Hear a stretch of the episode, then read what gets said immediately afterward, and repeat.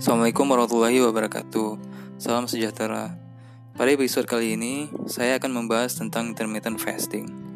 Bagaimana mekanisme molekulernya dan bagaimana cara pengaplikasiannya pada kehidupan sehari-hari.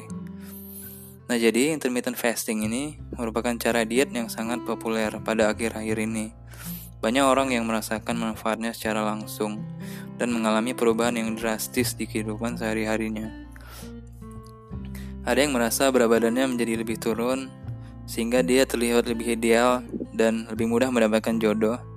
Kemudian ada juga yang mengalami perbaikan dari penyakit yang dideritanya selama ini. Nah, intermittent fasting ini telah terbukti memiliki manfaat yang sangat banyak, terbukti dari banyak artikel yang membahasnya. Hari ini saya akan menceritakan bagaimana mekanisme molekuler yang terjadi selama intermittent fasting dan bagaimana cara melakukannya dalam kehidupan sehari-hari. Yang pertama kita akan membahas mekanisme molekuler dari intermittent fasting ini yang saya kutip dari artikel oleh Rafael D. Kebo dan Mark P. Madsen dari John Hopkins University School of Medicine.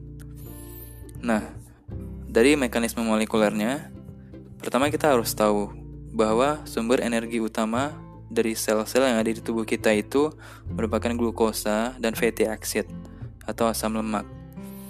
Nah, pada saat kita makan atau setelah makan, glukosa di tubuh itu digunakan untuk energi, sedangkan lemak itu disimpan di jaringan lemak atau adipose tissue sebagai trigliserida. Nah, selama puasa, trigliserida yang disimpan di lemak tadi di adipose tissue jaringan lemak tadi akan broken atau hancur menjadi dua molekul yaitu fatty acid atau asam lemak dan gliserol. Yang keduanya berfungsi sebagai sumber energi juga. Nah, jadi artinya pada saat puasa glukosa yang kita gunakan itu misalnya sudah habis, jadi tubuh akan beradaptasi untuk menggunakan sumber bahan bakar tubuhnya untuk energi itu dari sumber lain seperti lemak yang disimpan di adipose tissue tadi. Nah, balik lagi ke fatty acid dan gliserol yang sudah dipecah dari trigliserida karena kita puasa. Nah, fatty acid dan gliserol ini akan masuk ke dalam liver dan kemudian akan dikonvert atau dirubah menjadi keton bodies atau badan keton. Nah, keton bodies ini merupakan sumber energi utama untuk jaringan-jaringan yang ada di tubuh, termasuk jaringan otak yang paling penting selama kita berpuasa. Pada fase makanan atau pada periode kita makan sesuatu, jadi blood levels atau uh, kandungan dari badan keton di tubuh kita itu rendah. Nah, pada saat berpuasa selama 8 sampai 12 jam atau tidak memasukkan kalori selama 8 sampai 12 jam, atau kita saat saat kita berpuasa maka, maka badan keton atau keton bodies kita itu meningkat dan dia akan mencapai peak atau puncak peningkatannya itu pada 24 jam kita tidak memasukkan kalori sama sekali ke tubuh. Nah, timing ini menjadi dasar yang sangat penting untuk pengaplikasian dari intermittent fasting. Nah, jadi kita udah tahu mekanisme molekuler intermittent fasting Nanti kita akan bahas sendiri di episode lain tentang manfaatnya terhadap berbagai macam organ di tubuh. Nah, kemudian yang kedua ialah cara melakukannya.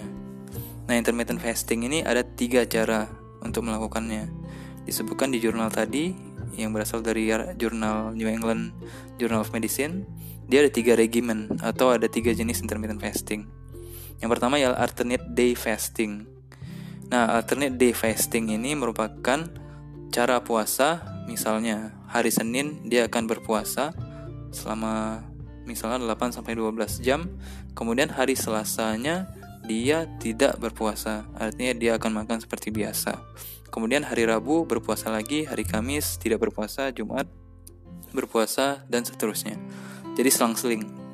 Seperti puasa Nabi Daud. Nah pada alternate day fasting atau puasa selang-seling ini seperti puasa Nabi Daud disarankan untuk pembatasan kalori. Jadi, misalnya kita berencana puasa hari Senin, jadi batasan kalorinya ialah maksimal 700 kalori. Nah, kemudian besoknya baru makan seperti biasa kembali. Jenis yang kedua dari intermittent fasting adalah 5 banding 2 intermittent fasting.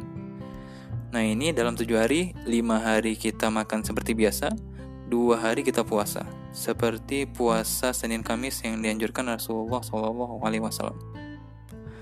Nah jadi pada intermittent fasting 5 banding 2 ini juga ada pembatasan kalori. Jadi 5 hari bebas makan, 2 hari puasa dengan maksimal kalori 500 kalori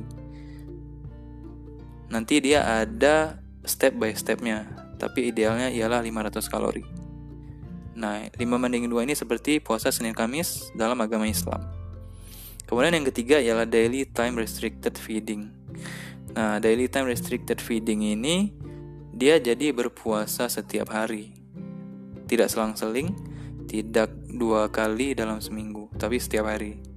Jadi kuncinya pada daily time restricted feeding ini ialah 18 jam untuk periode puasa atau tidak memasukkan kalori sama sekali. Kemudian 6 jam ialah periode kita boleh makan atau memasukkan kalori. Nah, khusus daily time restricted feeding ini tidak ada pembatasan kalori. Jadi bebas mau makan sebanyak apa pun karena kita akan berpuasa setiap hari. Ini mungkin seperti puasa bulan Ramadan dalam Islam. Nah, jadi dari tiga jenis intermittent fasting ini kita tahu bahwa ini semua sudah pernah dicontohkan oleh Nabi Muhammad SAW. Dan kita tahu Nabi Muhammad tidak pernah sakit kecuali pada akhir ajalnya. Dan beliau merasa sangat sehat. Dan bahkan beliau mengikuti perang Badar di umur 50 tahun dengan menaiki kuda beratus-ratus kilometer. Nah, begitu saja episode kali ini. Semoga bermanfaat dan semoga bisa dipraktekkan karena saya sendiri sudah mempraktekkan intermittent fasting ini sejak 3 tahun. Berat badan saya turun lebih dari 10 kilo dan alhamdulillah memiliki peningkatan dalam prestasi. Itu saja dulu. Assalamualaikum warahmatullahi wabarakatuh.